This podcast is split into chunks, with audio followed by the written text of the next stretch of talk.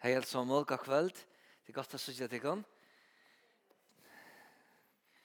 Jeg har vært nok så spent til at jeg ikke hentet denne første kapitlet. Og jeg har da bant nå, så løs nær. Hette er det de beste og første versene i Bibelen. Jeg er sånn det drær. Jeg har alltid hette er så størst, dette som vi kommer å lese sammen i det. De som har Bibelen av vi er velkomne å bli til Bibelen kapittel 1 i Efsos til Suja 1000 og i eh, Dalstøying, Dals og videre tøyingene. For jeg leser i henne i det. Og um, jeg fer at ansett klokkene. ja, her. Nei. Um, så leis.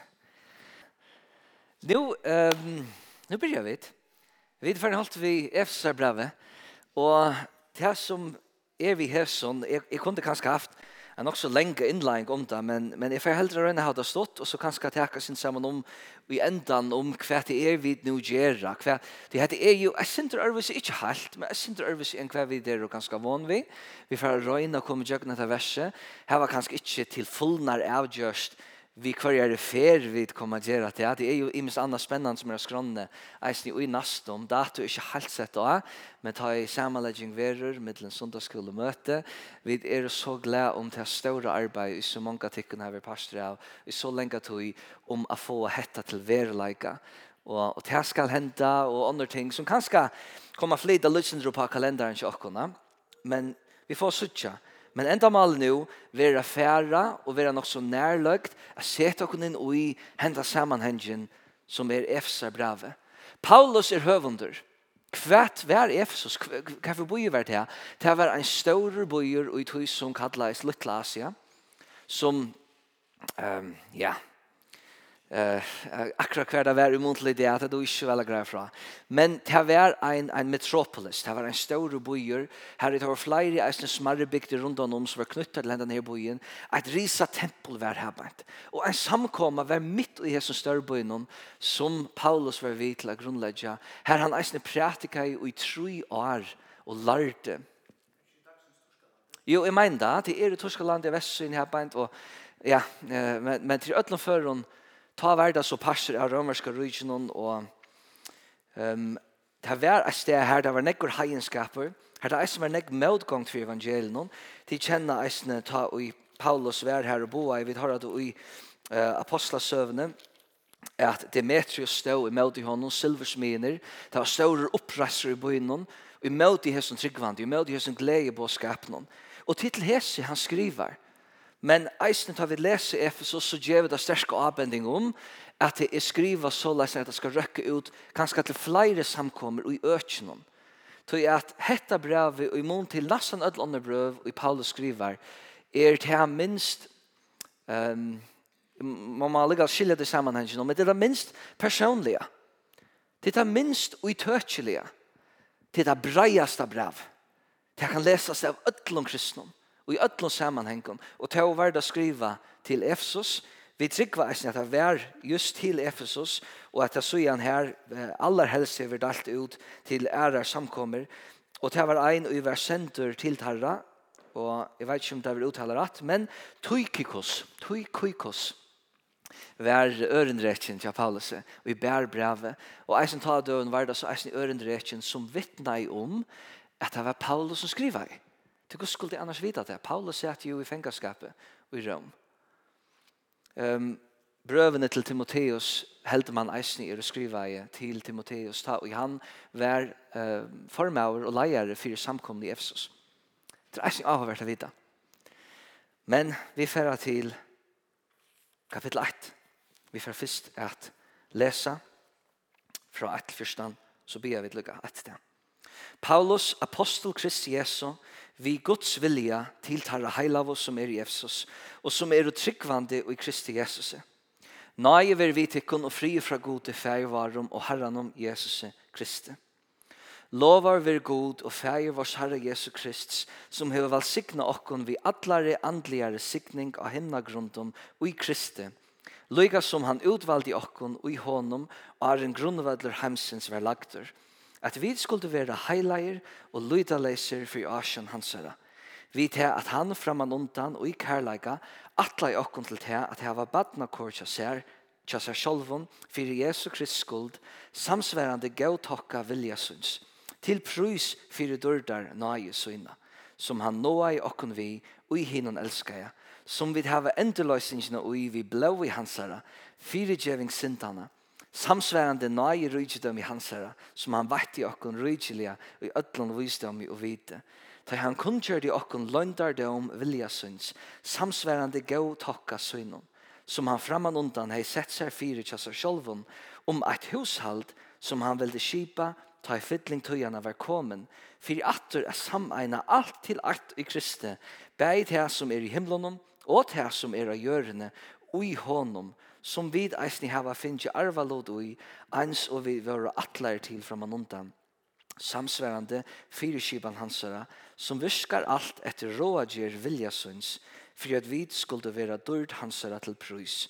Vi som fram undan hadde sett vevn okkara til Krist, som eisne tid, ta i ditt hørt og sannlagsåret, gleib og skapen om frelse tikkara, som eisne tid, ta i ditt høyke vi trygg, var innsiklar ui vi heilan, heilan anda som okkom var lovar, han som er panter om arv okkara, til endurløysingar av ognene, dørd hansara til prus, punktum. Det er en den lengaste setningen jeg har lise. Så la skriva Paulus mengan. Og hetta, hetta var negv. Og nå får vi da røyna pakka det synder ut, så vi skilja det synder betur. Gå i Herre Jesus, takk fyrir at vi slipper det at uh, rannsaka år tutt, Fær i himmelen vi svitt søkja til, vi tro etter det, vi langast etter a skilje årtøyt og vilja tøyt til okkara. Her i okkara samkom og her i arbeid som, som vi er virsom og i utre hessen huset. Takk fyrir Herre at du hever år til okkara i det om hvordan du har kallt okkon, hvordan vi er et hushald, hvordan vi er våre nåaie og gautidjen og valsignai og vi er våre bøtten og vi er våre innsiglai og har finnja en pant. Takk Herre for alt, for hessar døygriper som nu vi færra at hos om og, og gledes om i Jesu navn. Amen. Ja. Så hva sier vi her? Hver evne kommer fram i Jesu teksten, det gjør til jo flere. Og nøkker av dem er atleing, arvaluter, en arvor, en, en ognarskaper, og i, i vid få som er å heileie, heilaskaper, heilaleitje, um, utvelging, Nu kommer dette året som jeg selv har brukt nekva orsko på, um, åren vi forholdt i henda kapitlen, eisne, jeg får jobba med og i hva verset til at Gud hever valgt, hever utvalgt seg, et hushald, et folk. Det kommer fram i hebbein, halgan, noan, og så eisne hette at han kjer alt etter råa gjer vilja syns, etter gau tokka vilja syns. Det verset her, vi færa nu, jeg synes det varligende til verska, um, og hetta vi hvordan man skal legge etter ut, og hvem hatt, og hvilke minster en vi følge. Jeg vil ikke ordentlig halde igjen funnet til hva er den beste maten. Så vi færa nu av røyna, og vi mener ikke til klokkene, at jeg akka vers for vers, at røyna ikke etter summen av sånne årene, for vi skilja det ikke sammenhengen, og så vi sier ikke, hva hever dette tøtning for dere? Kvært så tar vi nå lese dette. Hva merker det for åkken i det? Ta det har sagt til Efesos ta. Paulus, apostel, Kristi Jesus, vi Guds vilja, til de heila som er i Efesos. Etter Guds vilja var Paulus kallar til apostel. Det var nekker apostlar som var kallar. Han var personlig kallar av en og Damaskus. Men her er ånder som eisen er og kallar te heilau som er i Efesus. At være heilaur er være sett til suyes. Her var nøkur ui Efesus, i, i mitt og i øtlund til heienskapen som fører fram. Den står i halgedomen her, her hendan her godinnan som eisver kalla Diana Verdyska. Og i hesson sted, og i hesson, hesson heitna boi her, det var sånn eg møtgång, der silversminer, øst og oppstegen.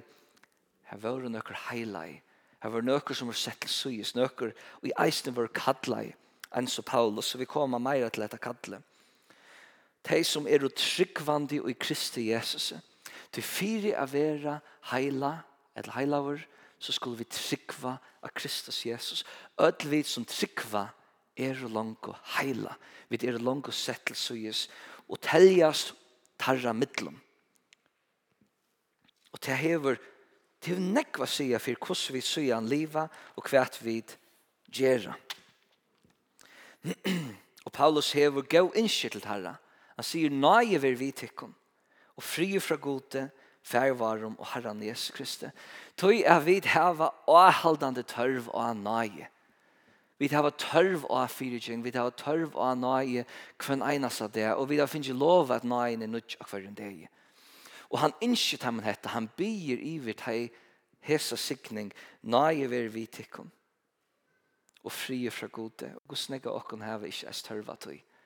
Og er om engan her i løyven og er frien er til, og vi nastan skrutje etter. Til vi kjenner trøste, vi merkje av okken og allåpene. Sjuka kanska leikar av. Og jeg vet at, at vi, ja, jeg tror flest vi som sitter inne har haft løter og hava løter og er kanskje ui einar støv og bant nå her vi råper etter frie. Og Paulus innskjer til her iver okken. Guds år innskjer til iver okkun. Nei og fri. Takk Jesus for dette lyftet. Takk Jesus for vi kunne eisne okkun okkun hetta. Ein fri, og til løte videre, og til støve videre.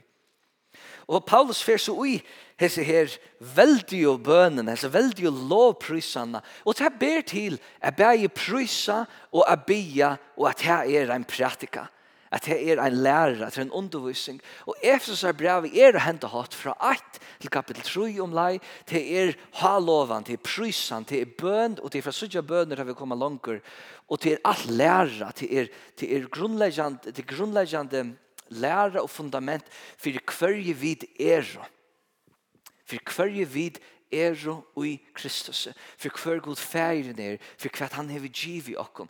Hese staur og sannlega vera lagt ut for okkom fyrst og helt av Efsa-braunen, og tar vi så komme iver om kapittel 3, jeg mener at det er fra, ja, fra 4 og ut etter til 6, så er det moralskar eh, edjaner, ta er det oppmuntring, ta er det um, hett at han vil til elva og, og, og edja det til heilagt liv, til et reilet rent godrøtje liv, men det kommer eisne fram her som de fra sudja. Til alt er jo flatta saman, og i hendan her båskapen om vid er og hans herra hushalt, vi er kalla i, hans herra nage, vi offenbera og i hesson som vi lesa nu. Så han sier, lovar vi god som hever signa okkom vi adlare andligare signing av himna grunden i Kristi. Så hver er det så alle disse andliga sikningene? Og her har vi ofte så bare akkurat som lise vi er uten at se til og i sammenhengen. Så jeg vil lese om sikningene og i sammenhengen her. Han har jo ikke sett punkten før inn i enden. Det er alt en setning. Det er ikke så sånn at det er delt sånt og til andliga diffuser og greier sikninger. Nei, nekvar at han andliga sikningen er og lister er og i hesen her. Og ikke alle, det er nekvar flere treat. Men nekvar at han helt og er og lesser her, og vi tar langt og tås om der, lang ognarskaper, panter, noan, av et gautidgen, av et hushalt, at heva en arv som vi til fullnar eina for skulle være endeløst, en, en arv som skal være endeløster, her anden er panteren. Men henda sikningen er å hymna grunden, og vi vet da eisen vi det sidande vi Kristus av hymna grunden. Det er en, en, en, en landamal som kanskje er trobult å fyrir seg til, men vi tryggva til at jeg er jo Kristus. Du erst i Kristus, og Kristus er jo det her. Og Kristus er sidande vi høyre hånd færsins. Så alle hese andre sikningene er og eisen i himna grunden til at vi skulle langt nå smakka til, og det passer. Vi smakka gaver andans, vi smakka grøyngar tetjen under, vi har vel smakka etta. Men ein dag sutja vi andre til andre, ein dag verur hetta himmaska eh, lust og, og utlust og vi standa ta og i dørden og i dørden likam nå. Det er en annen tulking av eisen til år i himnagrund, og det er at man ser sånn at samkomman er råkna som en himnagrund av fold, til god til å kalla henne ut ur hessen heimi, og er ikke langer av hessen heim någon Så hessar, hessar andliga sykningene av himnagrunden er i samkommene, og i hessetøy, og i hessar allt som i denne røy. Det er en tulking som ber til. Um, Hva sin er nok den sterskere at er vi grunderleg og i tog himmelsk og i tog komandi og i tog som vi i andan og langt er stødd og men som vi i ligam ein der skulle koma Han løyga som vers 4, løyga som han utvald i okkon, åren grundvødler heimsens var lagter, at vi skulle være heileier, løydaleser for asjan hansara. Her atter kommer utvelgingen inn, og hun er knutt sammen vi å være heilaver. Så Paulus apostel var kallar til apostel, og her sitter folk inne som er kallar til tjeneste. Kallar til avvisar leigloder i ligamnon. Vi er ødel limer av samme ligamnon, men vi er eisen i ødel kallar i heila. Det som god utvalde seg det er hushalt som han utvalgte seg og i Kristus. Og det stender at han gjør det da åren grunnvødler hemsens var lagter. Alltså gör en år vi kunde haft kanske en um, en som kom och bidda i och kom och bänka i gottena. Och det var kanske vid och jockara synda fallen och natur. Och vi kom till färgen vi bänkar på vid vi bön och be om att få till det här inne Og Och färgen kunde giva till det här inne Og Och vi kunde finna det ett och vi kunde finna pening. Och det ville vara en nöjrykt och det ville vara en sikning, det ville vara en gava. Men god gör det mer än det. Han som er feir og har en heimere var skapar, har en heimere var grunnlagter, ta huksa han om okkon, heter hushalde. Og han valde okkon ut, og han visste om okkon, og han sette okkon til syes. Det er lyftet som årgods talar om, og til det er ofattlet. Og til ringte skilja hva til vi velger han mestjer. Til jeg trykker ikke på frugan vilja. Vi tar ikke mist han vegna til at gå fram an undan valde okkon.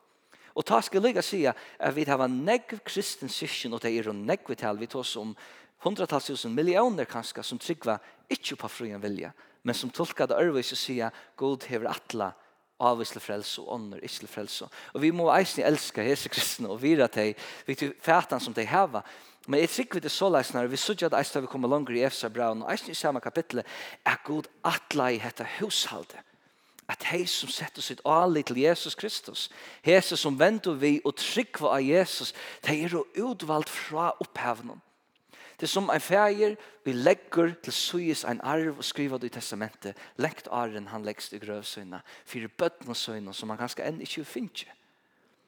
Det er en tilvide av er lengt arren biddaren benkar og horna.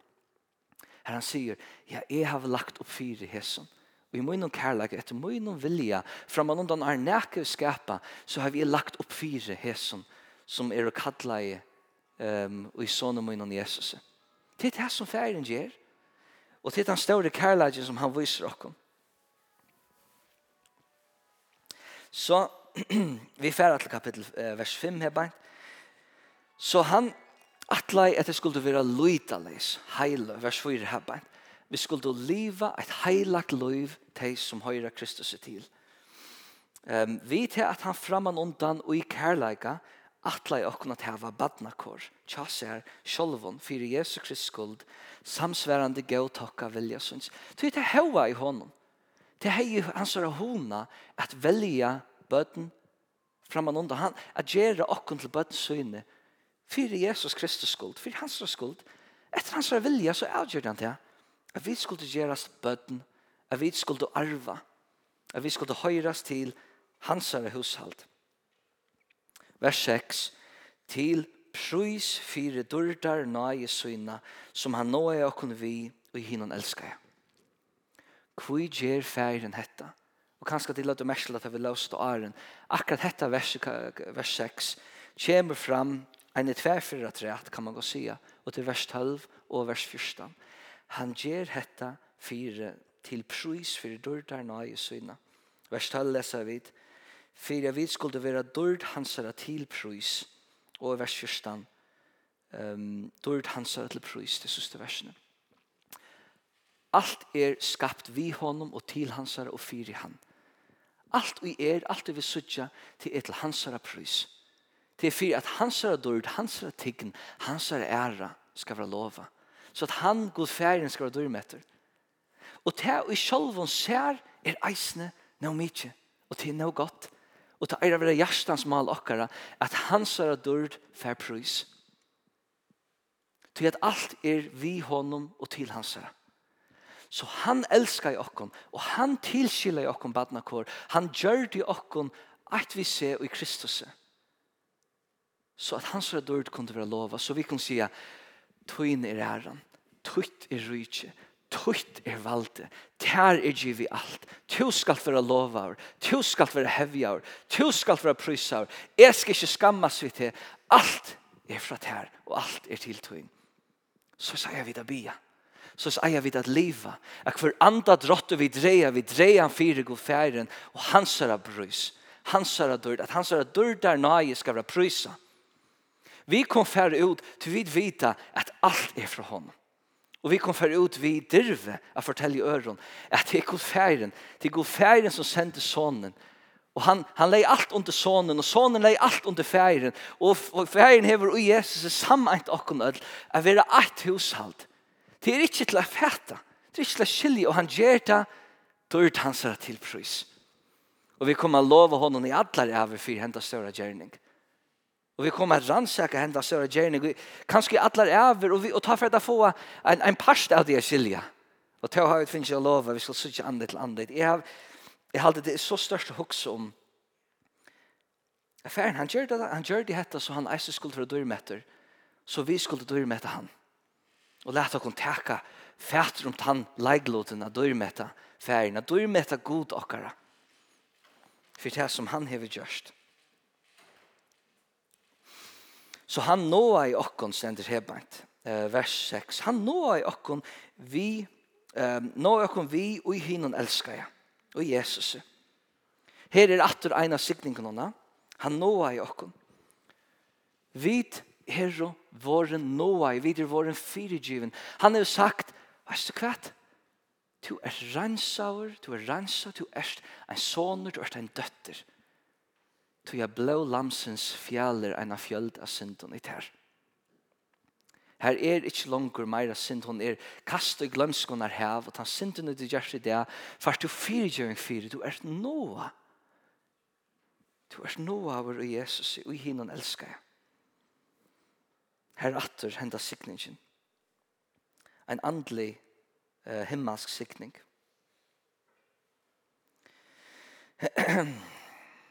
vers 6, vi har endeløsningene, og i blå i hans hansere, fire djeving syndene, samsværende nøye rydgjødøm i hans hansere.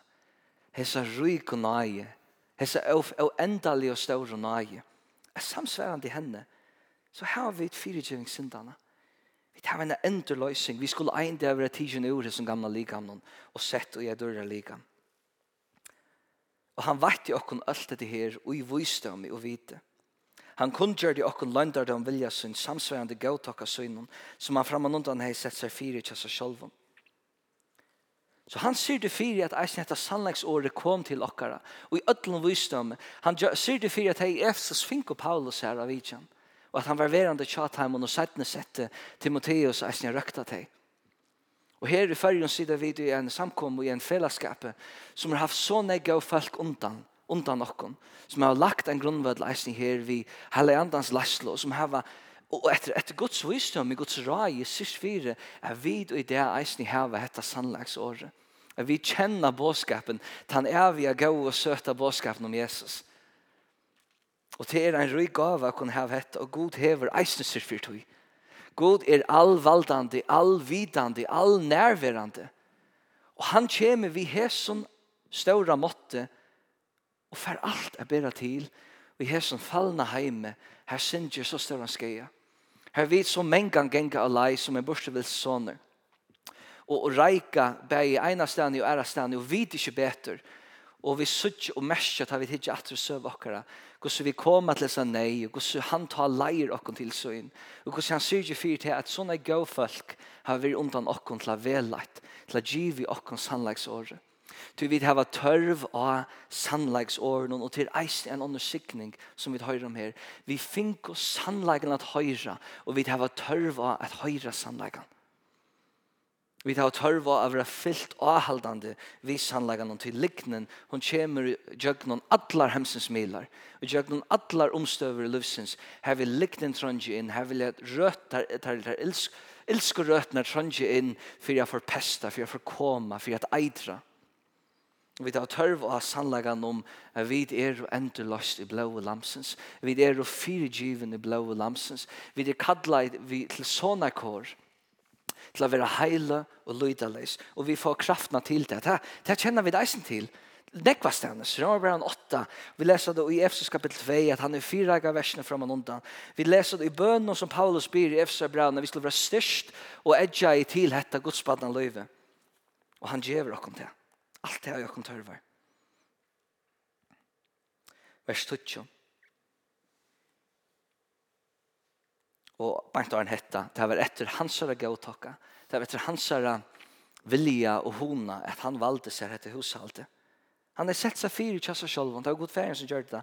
Så vers 12, at hushalt som han ville kipa, ta i fytling tøyene var kommet, fyrir atter er sameina alt til eit i Kristi, beit her som er i himmelen, og til som er av hjørne. Og i honom som vid eisen i hava finnes arvalod og i ens og vid var atlar til framan undan samsværende hans hansara som virkar alt etter rådgjør vilja sunns. Han vilde sameina alt i Kristus Jesus. Og i hesson sammanhengen her vidar vi at Paulus eisen huksar om jødan og grekkan. Det er alla mine jøkken og jøsamentan. Vi vita er frelsan og gleboskaperen og, og lyftene og til østjøska ikke først.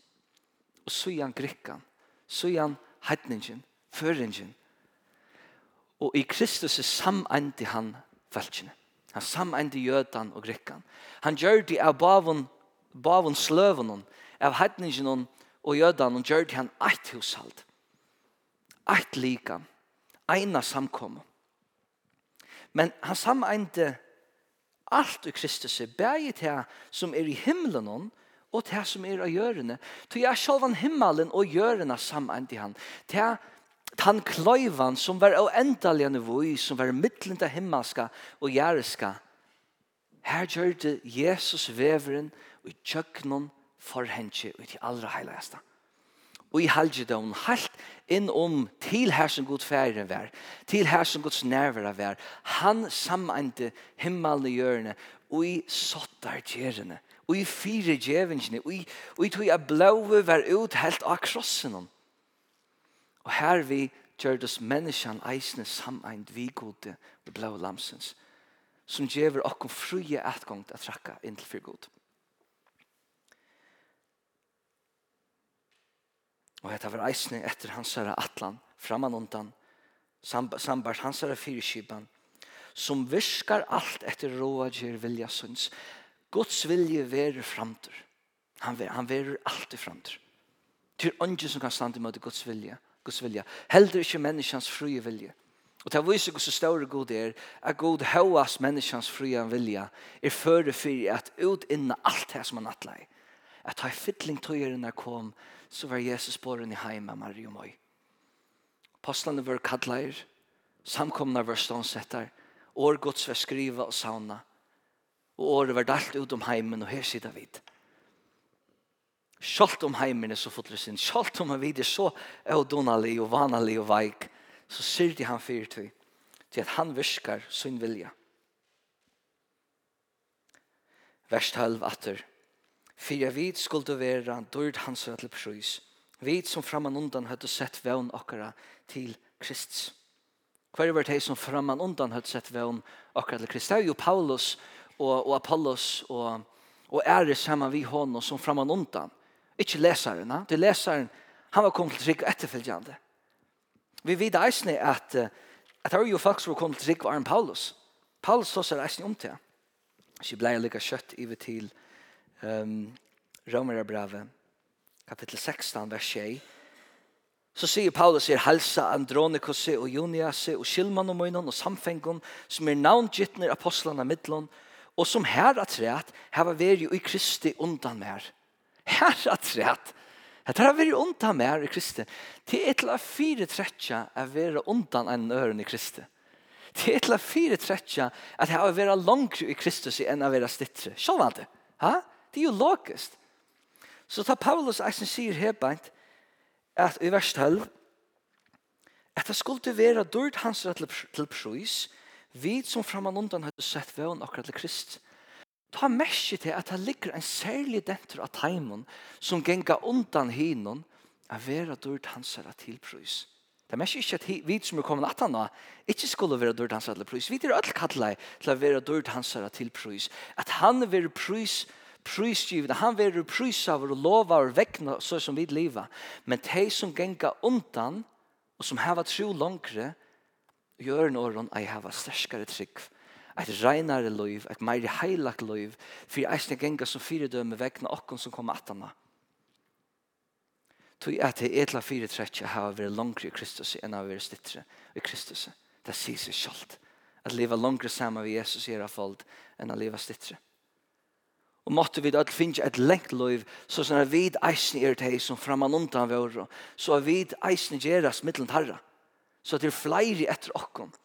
Og så sånn at liv okkara fer fra dør til dør, og gjørs meir og meir heilagt, vi til at god færen, at god i himmelen vil dør mette vi liv i okkara.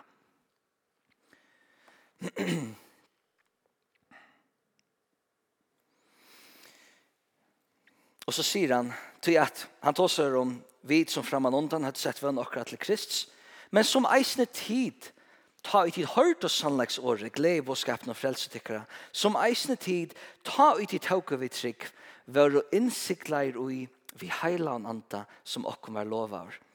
Han som er panter om arv okkara, til endurløysingar av oknene, dyrd hansara til prøys. Og her høyra vi så atter um, tver sikningar, av hessen andlige sikningen som vi byrja, byrja vi i vers 3.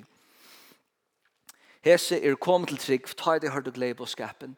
Nå telja seg middeltare og de utvalgte. Hetta samme hushalde som Paulus var pastor av, og som de var pastor av i Efsos, høyast de var i frastøv.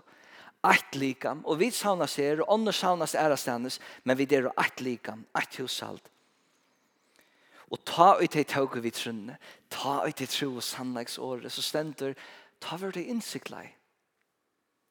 Til at ta et sikven vær rundt, og hon var sånn, og man kan si hendet tro av hjertan vær gjørt, ta for fram ein innsikling. Og et sikve, samsundes, ta for fram ein døper, ein andans døper. Ta hele anden teker bostad og i tryggvande. Etterfylgjande er vi deres lova om at vi skal gjøre oss fyllt av andan. Det er så ikke akkurat evne i det, men hetta vera fyllt vi kraft til å virka og vera vittne. Men en innsikling för fram att ett stämpel, jag tror som det ena her, här, så tar jag ska sende rockningar till Argentina og Avisland, så kräver jeg det så överfattligt en eksempel. Och det ska underskrifte, det ska gärna onkel som kan, kan underskriva og binda fela i och, och heve en avisland titel och annat. Vi finner det største insikliga en kan få. Själva god ta bostad i åkken, vi god hela andan. Och ta var vid insikliga han som er lovaver. En andlig sikning. Hetta, hessen anden vi var lovaver, talsmæren, han kom til okkara. Ty han er pantor om arv okkara. Det er ein, um, ein forudgjald. Det er et annet ord som er bedre enn det kanskje. Men en pantor er ein forudgjald. Det er um, til første gjald, til første, um, hva skal man si, til første pastor at du som skal komme. Og til samståndes eisende garantie. Til trygten fire at resten skal komme. Til panteren. Så panteren er for å gjalde. Og jeg leser i vimersingen fra Matthew Henry, en, en fantastisk skrivare som har gjort vimersinger til Guds år. Han skriver så läsnar om akkurat hetta att andren är panteren. och vi ska söka då i breiasta tydninge. Talje som okkun er givet, han oppenbering som vi söka banjo, det som eier okkara heva seg og heva skilt og til negg og vi den ikke heva skilt til panteren om det at vi egentlig skulle sitte andet til andet. Til at anden åpenberer for okken og leier okken til atlan sannleggen og forteller okken hva stender her, til eisen en panter om at vi egentlig skulle skilje til fullene, vi skulle sitte til fullene. Ta i vid syrtje og hava tørv av å trøste deg. Og trøstaren kommer okken til hjelper, hele anden, viskar i okken. Ta i til eisen panter og pregg om at vi egentlig ikke skulle grata meira, og glede akkurat skal være fullkommen. Og vi skulle leve i fullkommen kærleika. Ta i vid oppleva heila gjerring, og oppleva andans frukter og nøygaver i liv i akkurat. Vi, vi virksammer vekna heila andan i liv i akkurat. Ta i ta pantren om at vi ein dag skulle være iverkladd og i dørd. Og skulle sutja Kristus Jesus andit landis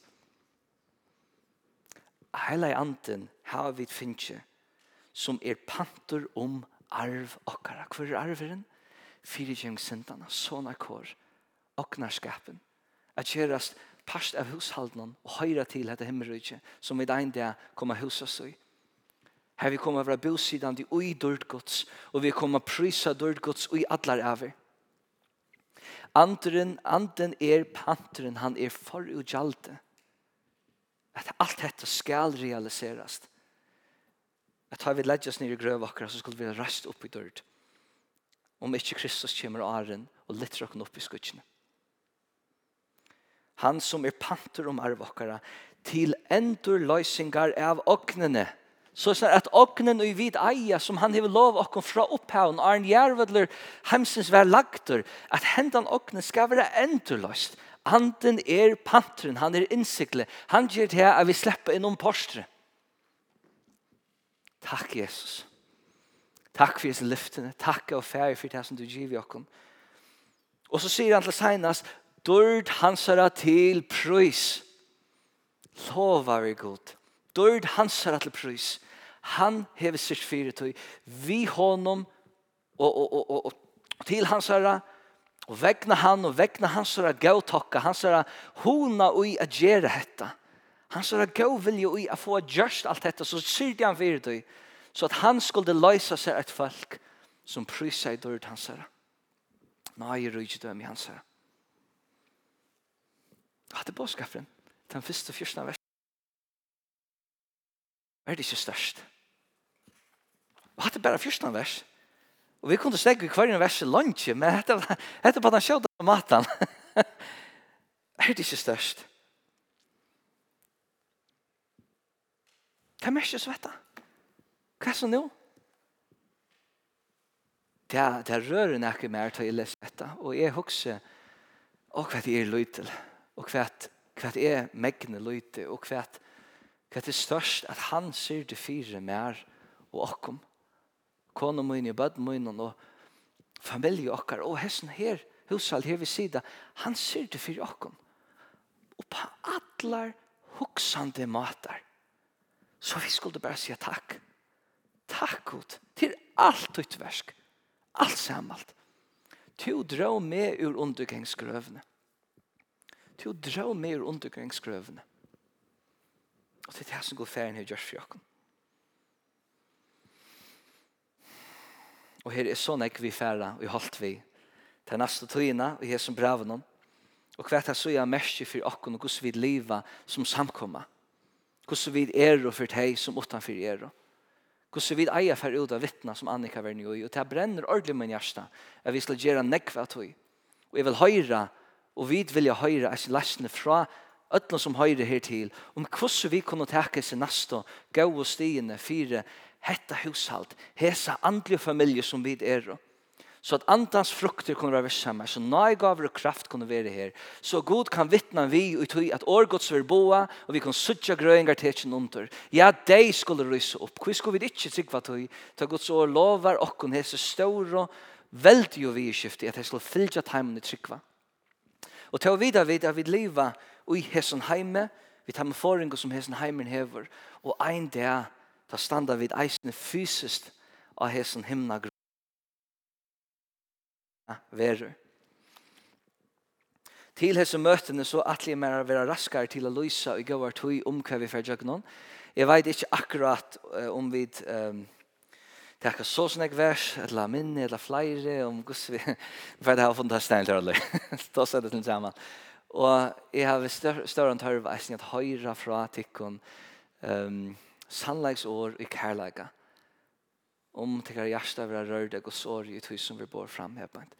Det snur seg ikke om nærkene av okkona som einstaklingar. Det snur seg om det vers som Kristus Jesus gjør i okkon ta i vid boa han her. Det ber til en, en godt råd at lesa fram og undan som det er som kan være nok så tungt å tidsja, Jeg leser alle Arne møtet, jeg vil være god hjelp. Jeg kommer fire reier, jeg som i spørningen er super, til at um, tar man tåsar om hese vers, så nevner man vi uflattnar. Til man har ikke stund til å grave ned, og her er, her er nekker tøymer av forarbeid, og i hver er til Og det blir til at tåsa sammen om dette at når jeg møter. Jeg færre jøgner noen vers, og sier, hva mest jeg hatt han Og hva, hva, hva er i hæsson? Og hvordan kan jeg bruke hette i min løyve? Og hva, hvordan kan jeg takke til her vimmer nå til jeg fer hjem til min familie eller jeg fer til mitt arbeidsplass?